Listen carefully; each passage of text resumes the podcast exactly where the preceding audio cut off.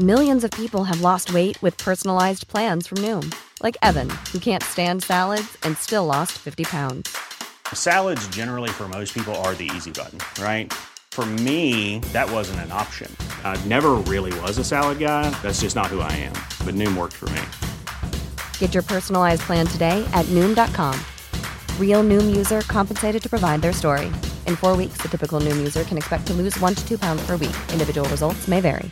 Burrow's furniture is built for the way you live.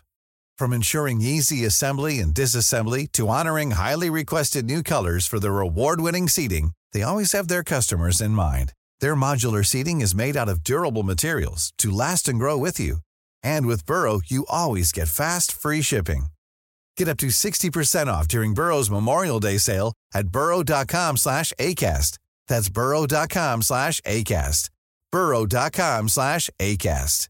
Many of us have those stubborn pounds that seem impossible to lose, no matter how good we eat or how hard we work out. My solution is PlushCare. PlushCare is a leading telehealth provider with doctors who are there for you day and night to partner with you in your weight loss journey. They can prescribe FDA-approved weight loss medications like Wagovi and Zepbound for those who qualify. Plus, they accept most insurance plans. To get started, visit plushcare.com slash weight loss. That's plushcare.com slash weight loss.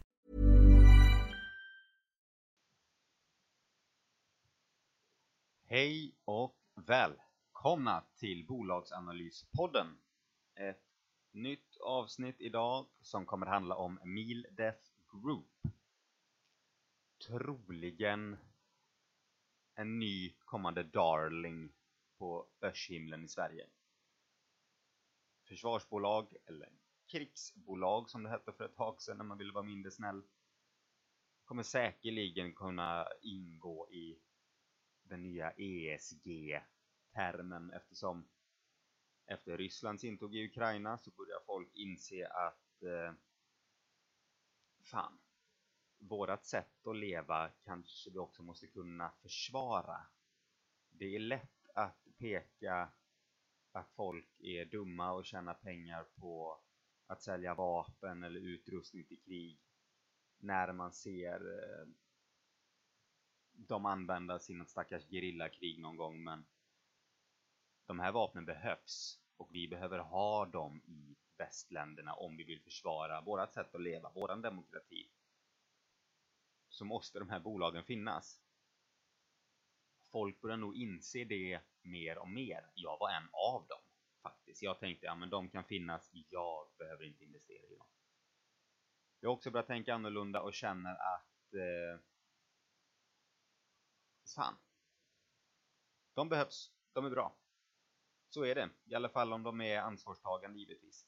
Så återigen, Mildef Group eh, kom in till börsen för några år sedan. De förvärvar, vill konsolidera marknaden lite grann här. De levererar eh, IT, taktisk IT alltså. Det är hårdvara, mjukvara och tjänster för framförallt säkerhets och försvarskunder inom eh, NATO exempelvis eller svenska försvaret och eh, liknande.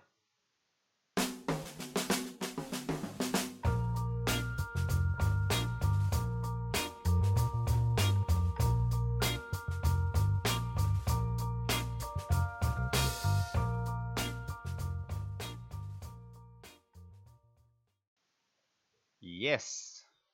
Mildef.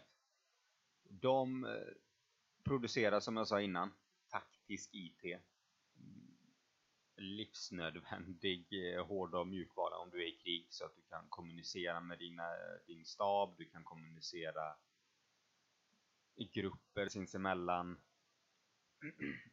för att veta var alla är och för att veta var fienden är. Jag tror du mycket väl har och förstår affären. De har dotterbolag i Sverige, Finland, Norge, Storbritannien och USA. Också öppnat upp nu i Danmark. I september 2022 hade de 285 anställda. Jag får utgå från Q3-rapporten här nu. Um, och cirka tre fjärdedelar, alltså 75% var i Norden. Det är där de grundades och det är där de är störst. De handlas idag till kurs 86,40 eh, med ett börsvärde på 3,44 miljarder. Enterprise value är 3,6 miljarder ungefär. De har växt de sista åren, varje år. De har ett eget kapital på 19 kronor per aktie och en utdelning på 75 öre. En vinst på ungefär 40 öre och en direktavkastning på ja, 0,9 procent. Den har pendlat sen man gick till börsen. Den har legat mellan 30, gått upp till 50, gått ner till 40. Sen Ryssland gick in i Ukraina så har ju folk flockats dit naturligtvis. Den har då pikat liksom på 70 och 80 och gått ner igen till 60. Men nu verkar den ha stabiliserat sig runt 80 det sista. Framförallt för att de börjar plocka in väldigt stora orders från eh, bland annat NATO-länder men också det svenska försvaret som eh, Alltså alla behöver bygga upp sina försvar nu, sina budgetar. Vi i Europa har mycket kan man väl säga om Trump, men när han sa att han kanske är trött på att finansiera Europas försvar så kan man förstå honom i viss del. Vi i Europa har blivit väldigt bekväma. Vi har haft fred länge här och vi har lagt pengar på väldigt mycket annan skit, rent ut sagt. Mycket bra saker, men väldigt mycket skit också. Och vi har liksom glömt bort försvaret för att vi har USA där borta i väst. De trycker på. Nu inser vi att våran frihet kanske inte är så trygg som vi tror och nu kommer vi behöva lägga in pengar där. Ehm, och medlemsländerna i NATO har kommit överens om att 20% av försvarsanslagen ska öronmärkas för ny utrustning. Så att det här blir ju pengar. Jag vet inte exakt på hur mycket pengar det handlar om, men det är alltså NATO är stort och det är rika länder så att det är väl ganska lätt att räkna ut att för ett sånt här litet bolag som Mildef ändå är i en stor värld så kommer det slå ganska hårt. De nio största kunderna står för ungefär mellan 65 till 75 procent av omsättningen. Myndighetskunder är ungefär 50 procent och de säljer även på licensmildet men de har egen utrustning med och den står för ungefär 60 procent. De säljer via partners till över 80 länder och som sagt, de växer hela tiden genom förvärv, de öppnar upp nya dotterbolag och de här är inte färdiga på långa vägar. Det här kommer tugga på. Stör mig dock på att det var ett litet insidersälj i somras där. Jag har inte läst bakgrunden till det, det kan vara en bagatell, men det retar mig lite grann. Eh, orderboken nådde rekord vad jag kan se i Q3. 1,2 miljarder. Du har eh, anslaget för försvaret i Sverige till exempel. är uppe i 90 miljarder. Den växer hela tiden. Och orderboken är som sagt på rekordnivåer och det korrelerar väl ganska bra med att militära utgifter globalt växer ungefär med 3% per år de senaste fem åren kriget i Ukraina här nu kommer ju troligtvis inte minska den här siffran utan det här kommer ju de står nu för sin guldålder nu. Frågan är bara om de kan ta vara på det. De grundades 97 då ville de liksom leverera ruggade elektronikprodukter till försvar, myndigheter. Och ruggade elektronikprodukter det är ju, alltså de ska tåla de ska tåla ett krig, de ska kunna tappas, de ska kunna slås, de ska ha de ska vara hållbara och tillförlitliga på ett helt annat sätt än vad en vanlig kommersiell produkt är utan den är liksom anpassad för hårt väder och hård användning. De började med att de tog en partner i Taiwan, Creed Systems. Och det är även de som faktiskt äger den största delen i Mildef i dagsläget med 11%.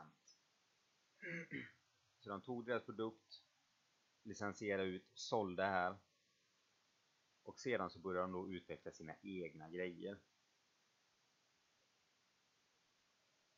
Och nu har de ju allting från datorer, displayer, speciella elektronikprodukter, du kan ha Alltså allt, tänk dig en dator, men du vill ha den här datan för krig. Då kan du höra av dig till dem och då har de produkterna för det. De noterades 2021. De förvärvade även då Defcon Solutions och Sysint AS i Norge. Detta året har följts av att de gått vidare till Finland. De har eh, förvärvat Handheld Group.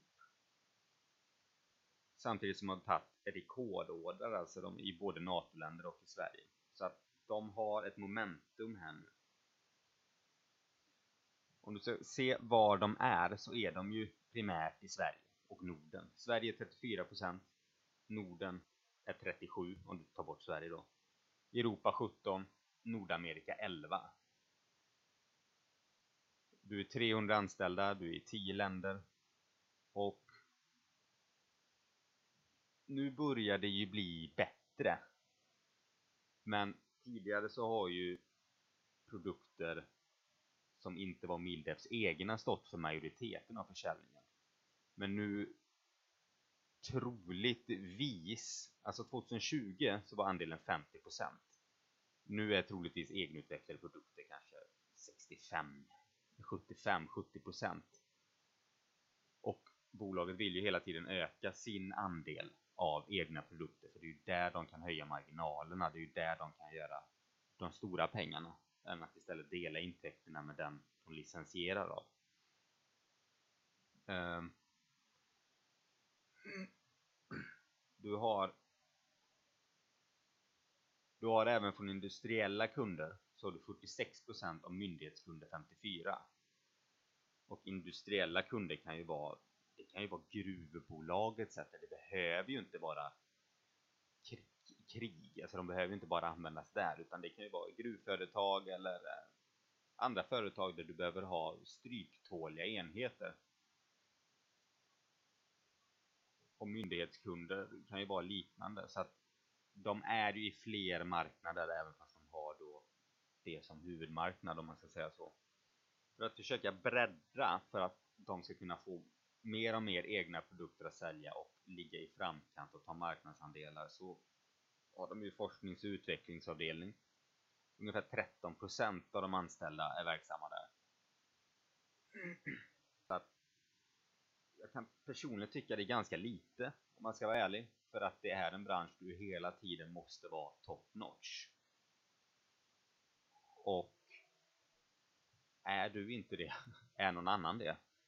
Jag hade gärna velat se att de ökade den här posten lite grann. Och eh, för jag tror att har du bäst produkter då kommer du också sälja per automatik. De har snittat en omsättning på 15% per år. Ökningen alltså, sedan 2013. Marginaler, den ligger runt 10-11%. Så det är ett stabilt bolag som nu som sagt ligger rätt i tiden. Det är ju inte så att det är lätt att komma in på den här marknaden heller. Utan du har, du har din vallgrav, du har dina kunder, du har en eftermarknad på dina produkter. Ju mer du säljer, ju mer kommer du få snarare add-ons, alltså du kommer få en eftermarknad plus att den här kunden kommer köpa nya produkter av dig. Så att du har en stickiness som är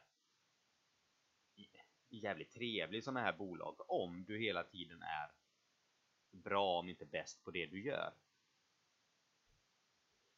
Men i Norge, eller vad säger jag, Norge, i Norden så är de starka. Här, dels för att Norden kommer ju förhoppningsvis och troligtvis vilja gynna sitt eget, att du kan ha lite produktion här, att du kan ha lite det är speciellt även nu med Kina situationen, man vill inte outsourca allting utanför gränserna utan man vill ha lokal produktion och då finns Mildef. Så att de är starka i Norden, de kommer troligtvis fortsätta vara starka i Norden. Ehm. Och det är också där den största marknaden är. Sverige har ju som svar på Ryssland-Ukraina-konflikten ökat sina försvarsanslag med 40%. Nu har ju inte Sverige kanske tryckt in pengar i försvaret de sista åren som vi alla vet, men det är ändå det är ändå lite pengar mot vad de har lagt innan. Och har du en 40% ökning på det där så hamnar alltså alltså 40% ökningen är 27,5 miljarder. Och kan bara Mildef ta en liten andel av det så slår ju det direkt på den sista raden. Sverige är ju som sagt den största marknaden. Och i och med världsläget som det är nu så la regeringen fram ett förslag om att öka försvarsbudgeten för 21-25 med totalt 40%. Det är alltså en ökning med 27,5 miljarder. Och då ligger budgetförslaget för 2025 på 91 miljarder. Det är alltså, ja, vad ska jag säga, det är grova pengar. Det är, för ett sånt här litet bolag som Mildef ändå är, så är det en sån, sådana siffror som kan få dem att ta det till nästa nivå. Tar du Norge, som också är en väldigt viktig marknad för Mildef, så ökar de försvarsanlagen med 3%. Så att 2024, eller vad säger jag, 2023, 2024 kommer ligga runt 80-85 miljarder för att stiga upp till 90 miljarder år 2028. Om du tar Danmark så har du 2022 var ungefär på 55 miljarder. 2023 55 miljarder. 2024 60 miljarder.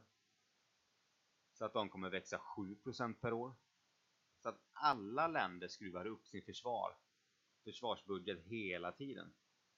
Tar du Storbritannien så ska de 2023 ligga ungefär på 750 miljarder. Den ska växa med 5,5% per år.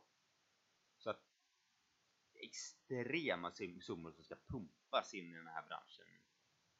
Om vi går igenom Mildefs nyhetsflöde från september, bara för att ni ska få en hum om hur mycket som ändå händer i det här bolaget och den här branschen. Så jag ska gå igenom några PM här.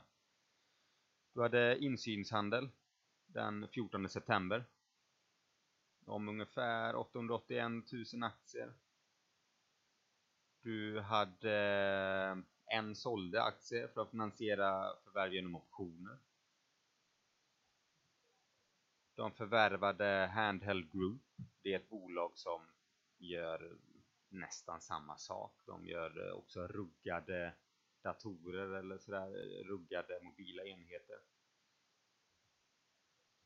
De eh, vinner en order från BAE Systems. 15 miljoner kronor. De tog i augusti 2022.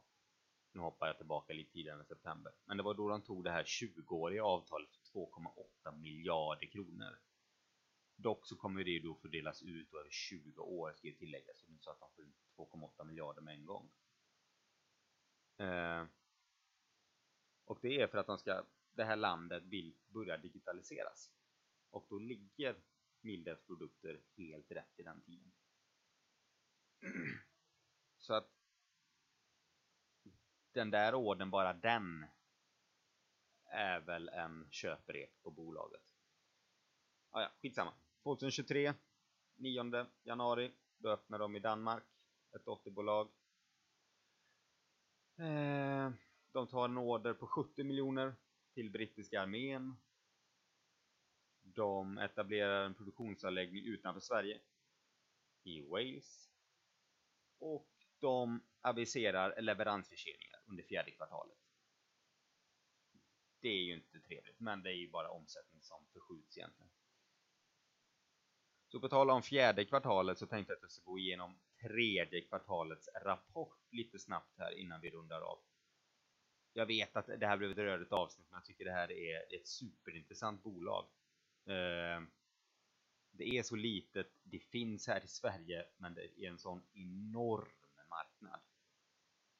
Och eh, jag hoppas verkligen de kan förvalta det på bra sätt. Men eh, skitsamma, jag ska gå igenom Q3. Mildefs olika kundsegment, det är ju militär, government, critical infrastructure. Militär behöver jag inte förklara närmare vad det är. Eh, government, det är då ah, polis, brandkår, hemvärnet exempelvis, ambulanser. Och så har du kritisk infrastruktur, då är det ju hamnarbete, du har sjukhus, energisektorn, gruvor, eh, vindkraftverk etc. Eh, de har kontor i tio länder, partners över hela Europa. Fast de fokuserar eh, de fokuserar på Norden, Europa och NATO-länder ska tilläggas. Det är liksom där deras marknad är. Q3ans highlights här nu då, det är att de växer 20% till 163,7 miljoner i omsättning. De tar, ökar orderintaget med 158% till 307 miljoner. De har en order backlog på 1 miljard 218 miljoner. De har en bruttomarginal på 51%. De har en EB, justerad ebitda på 19,9 miljoner kronor. Och marginal, ebitda-marginalen är på 12,2%.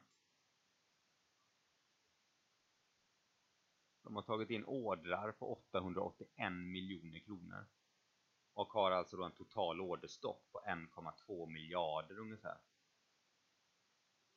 Det ligger på 2024 så ska 77 miljoner ut, 2023 ska 505 miljoner ut och 2022 nu då skulle 397 miljoner ut. Sen 2024 och framåt så ska 239 miljoner kronor ut. Den posten kommer ju växa fruktansvärt med alla nya order de har tagit in. Så det här kommer ju vara en skillnad i Q4 sen när den rapporten släpps. Och sen kommer den ju bara nötas på. Du har en kassaposition på 112 miljoner. Och bolaget som så i sig, alltså det växer på alla punkter. Om man ska se på resultaträkningen för koncernen så har de ju då en omsättning på 163 miljoner. Kostnad för sålda varor är 80 miljoner.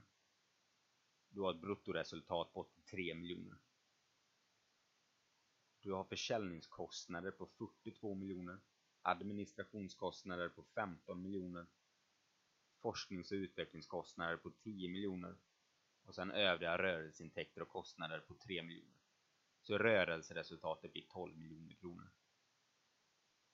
När jag tittar på de här siffrorna generellt så tycker jag att forsknings och utvecklingskostnaderna som jag var inne på tidigare, de borde vara högre. Antingen så väljer de att förvärva utvecklingen istället om man säger så. Istället för att utveckla den själva så förvärvar de ett bolag, tar både dess omsättning, personal och all deras know-how. Så att de behöver inte lägga så mycket på egen forskning och utveckling. Men jag tycker ändå den är lite låg. Kostnaden för sålda varor gentemot nettoomsättningen, den är ju, det är ju nästan 50%. Jag vet inte hur mycket mer man kan begära. Jag tycker den är helt okej. Okay försäljningskostnader på 42 miljoner, den är ju den är ju rätt hög. Går du från till 2021 istället, då hade du en nettoomsättning på 136 miljoner och försäljningskostnader på 32. Går du tillbaka till 2022 så har du ökat försäljningskostnaderna med 10 miljoner men nettoomsättningen har du bara ökat med 30 miljoner. Så att någonting kostar ju på den. Du har resultat efter finansiella poster på 7,2 miljoner kronor. Så att du, du gör en väldigt nätt vinst. Jag antar att de väljer tillväxt före här. De kör många roadshows, de, eh, de satsar mycket på att växa, att det är dit kostnaderna går. De hade nog kunnat vara betydligt mer lönsamma om de ville. Resultat per aktie efter utspädningen är 0,18 kronor. förra året var 0,04 kronor. Kikar du på balansräkningen så har du immateriella tillgångar hänförliga till förvärv. Då är det 587 miljoner. Det här är väl nedskrivningsrisk om det skulle skita sig någonstans i något förvärv, det levererar inte, så får man ju skriva ner det. Men eh, med dagens marknad skulle jag tro att den chansen är ganska liten. Men, men man vet ju aldrig. Varulager 188 miljoner. Jag kan förstå att vissa ordrar sköts ett kvartal med det här lilla lagret. Jag menar, du har den orderstocken och du har 188 miljoner i varulager. Jag tror att ganska mycket pengar framöver kommer bestå i att du måste bygga, du måste vara en tillförlitlig leverantör, du måste ha ett större lager för att kunna ge dina kunder sina produkter fort. En fördel de möjligtvis kan haft är väl att de kanske inte har knutit så stort lager än för att kostnaderna har ju gått upp så mycket med tanke på inflationen. Men de behöver nog öka varulagret så det ska man nog ha lite koll på. Att det kommer nog knytas upp mycket kassaflöde in där. Likvida medel på 121 miljoner. Och kundfordringar på 124 miljoner. Det är alltså faktureringar de skickat ut som de väntar på, på att plocka in. Och du har långfristiga räntebärande skulder på 182 miljoner. Eh, och lite andra skulder smått och gott. Övriga kortfristiga skulder 113 miljoner och sådär. Men summa eget kapital skulder, 1,3 miljarder. Det är alltså det är ett bolag som har, de har bra de har bra kontroll på sina finanser. Det är ett sunt och friskt bolag. Kikar du på kassaflödet så hade du då rörelseresultatet var 12,5 miljoner. Det var alltså det vi plockade från resultatdelen. Då har de skrivit av och skrivit ner för 7,4 miljoner. Sen har du förändring av rörelsekapital minus 52 miljoner. Så att kassaflödet från den löpande verksamheten ligger på minus 37 miljoner kronor. De har investerat 1,8 i immateriella anläggningstillgångar. De har investerat i materiella anläggningstillgångar på 1,2 miljoner och de har förvärvat bolag för 383 miljoner. Så kassaflödet från investeringsverksamheten är minus 386 miljoner. De har tagit in 200 miljoner i lån. De har gjort en nyemission på 223 miljoner. Så kassaflödet från finansieringsverksamheten har ökat med 420 miljoner. Så totalt sett, så om man ska förenkla det, så har de gjort en nyemission och tagit stort lån och så har de förvärvat bolag och så har du summa för periodens kassaflöde på 3 miljoner. Och kvar nu då är likvida medel på 121 miljoner. Om jag ska spekulera fritt nu då. Jag har gått igenom bolaget, vad de gör, jag har gått igenom möjligheterna framåt för bolaget med kanske Sverige blir medlem i NATO, Finland medlem i NATO, Europa rustar för krig, jag har gått igenom Q3 lite grann. Gått igenom lite enklare siffror bara så att ni hänger med hur jag tänker. Så ser jag väl framåt att det här borde vara en no-brainer. Jag vill in på 50 kronor, jag vill in på 60 kronor. Jag hade kapital som satt fast i andra investeringar, jag kunde inte komma in. Jag äger fortfarande inte aktien. Jag tycker caset är hyperintressant. Jag hade velat se att den skulle gå ner lite grann. Inte för att den kanske borde, utan för att jag vill det. Vilket är helt ogrundat. Men det här är ett bolag jag tycker är ganska oupptäckt för den stora massan. Vilket innebär att det är ett fint läge att faktiskt kunna gå in ganska tidigt du har inte en jätte, alltså det, är en ganska dålig likviditet i aktien. Det är du, vissa dagar, den börjar ta sig nu ska jag säga, det var värre för några månader sedan, men nu börjar den liksom, det börjar hända grejer i den. Men det kan vara svårt för fonder att ta position, men när eller om de gör det då kommer ju den här aktien gå som en raket. För kollar du på ägardatan, den är från 27 oktober i 2022, då har du Mildef Kult, eh, säger man kanske, Krete. det här eh, bolaget som de sålde åt licensierade produkter från början. De äger 11%. Svolder äger 7,4%. Tredje AP-fonden äger 6,4%. Sen har du Marian Trolle 6,1%. Du har Carnegie Fonder 5%.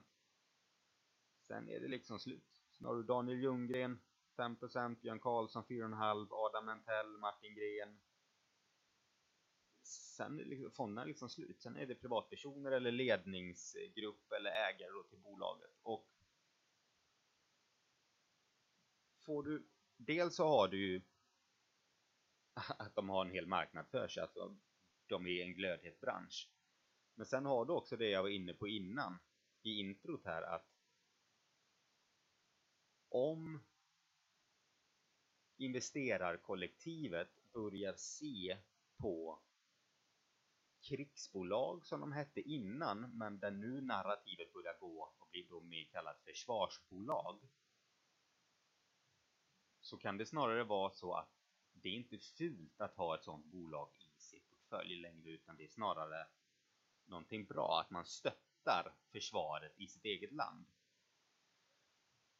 För återigen, jag tror det här var en tankeställare för alla, inklusive för mig själv, att när Ryssland gick in i Ukraina så såg man faktiskt hur skört det var.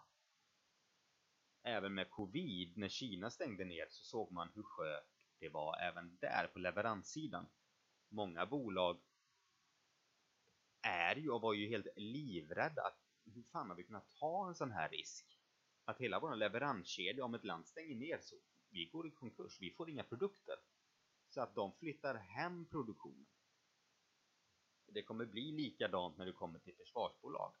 Man kommer lägga produktionen mer, det kostar lite extra men man vet att man har supply chainen, den finns där. Det finns ingen som spionerar, förhoppningsvis, om inte annat så är chansen betydligt lägre. Du stöttar dessutom inhemsk produktion. Och nu när alla de här anslagen på försvaret kommer att öka så kommer ju givetvis Mildeps produkter också öka.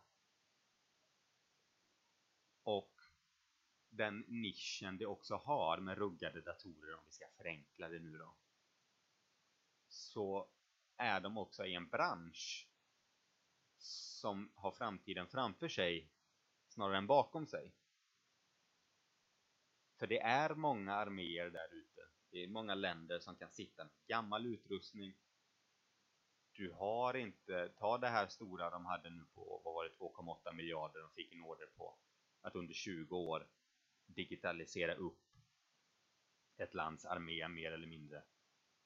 Genom att då byta ut de här gamla elektroniken in med det nya. Du har Köper du en spade så kan den där jävla spaden hålla 15 år. Köper du en dator de har troligtvis inte samma hållbarhet även om de har bättre hållbarhet än en vanlig kommersiell dator. Men du kan även skicka ut uppdateringar på software och så vidare. Men alltså, du behöver också byta ut hårdvaran. Så att du har en bättre eftermarknad och du har eh, ett ganska bra som jag sa, även där som jag sa innan, du har en stickiness. Du behöver kanske köpa, köpa en ny sån här dator var sjunde till åttonde år. Jag vet inte hur hårt det går åt de här produkterna. Men de ligger på rätt sida i produktionskedjan om man kan säga så. De, det är snarare produkter som ska köpas och inte bytas ut. Så i det stora hela tycker jag det här är ett, ett superintressant bolag. Det är jättekul att de valde att börsnotera sig och inte fortsätta vara privata. Du har två stora värderingsoptioner, man kan kalla det så. Det ena är att investerarkollektivet kommer se det här bolaget som ett eh, ESG-bolag. Vilket innebär att då kan den ju gå upp fan 100% bara för att den är ett fint bolag att äga. Men också på optionen att hela Europa kommer börja rusta upp. De kommer inte bara byta ut befintlig materiel utan de kommer köpa nytt. Och de kommer köpa mycket nytt. Och du, vad hade du en orderstock i Millet på? 1,2 miljarder. det är ju så fjuttiga, det är ju så små summor. Om du tar med bara liksom, vad hade Sverige för anslag? Var det 90 miljarder? Något år. Det är liksom det är det här är inget stort bolag. Det är inte det. Och de började i bra tid, de förvärvade snyggt. Och jag tror de här har framtiden för sig. Absolut. Hoppas bara de kan förvalta detta på ett bra sätt nu, att de inte, det inte stiger dem mot huvudet eller att de gör massa dumheter utan väx med lönsamhet, förvärva lugnt och ta vara på det här momentumet de faktiskt har. Ehm, mer än så behöver jag inte säga. Det kanske blev en lite rörig podcast idag, men det var... Jag försökte ratta så bra jag kunde. Eh, ni får det jättebra, så får vi ses nästa avsnitt. Ha det bra! Hej!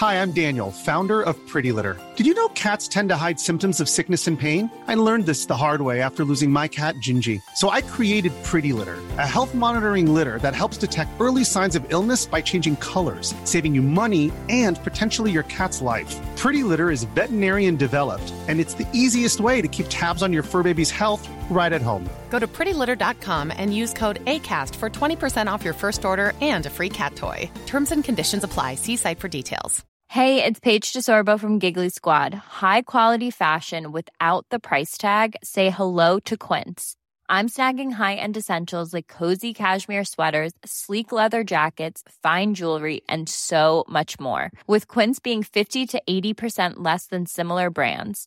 And they partner with factories that prioritize safe, ethical, and responsible manufacturing. I love that. Luxury quality within reach. Go to quince.com slash style to get free shipping and 365 day returns on your next order. Quince.com slash style.